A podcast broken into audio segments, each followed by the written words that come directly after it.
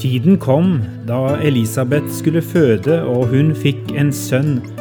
Hennes naboer og slektninger hørte hvor stor godhet Herren hadde vist henne, og de gledet seg med henne. Lukas 1, 57-58. Nå vil jeg at du skal fortelle, Elisabeth, sa Maria. Fortell om det merkelige som skjedde rundt Johannes sin fødsel. Jeg vil høre detaljene på nytt. Middagshvilen var over. De to kvinnene hadde funnet tilbake til den fredelige plassen utenfor huset til Maria og Josef. Elisabeth himlet med øynene. Ja, merkelig er ordet. Det hele begynte med at Zakaria var oppe i Jerusalem på sitt vaktskift. En uke er han i tempelet hver gang. Han var utpekt til å ofre røkelse den dagen. Da er det ingen andre der inne.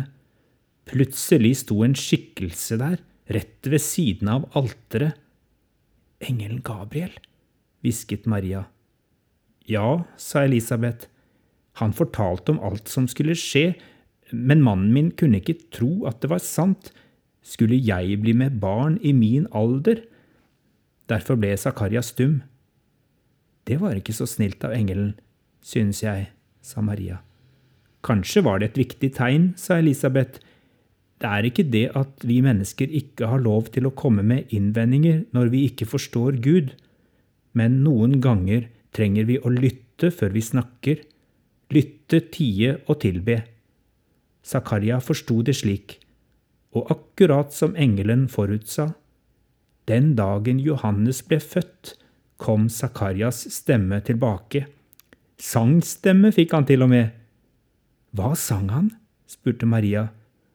Og du, barn, skal være den høyestes profet, foran Herren går du, hans veier rydder du, sang Elisabeth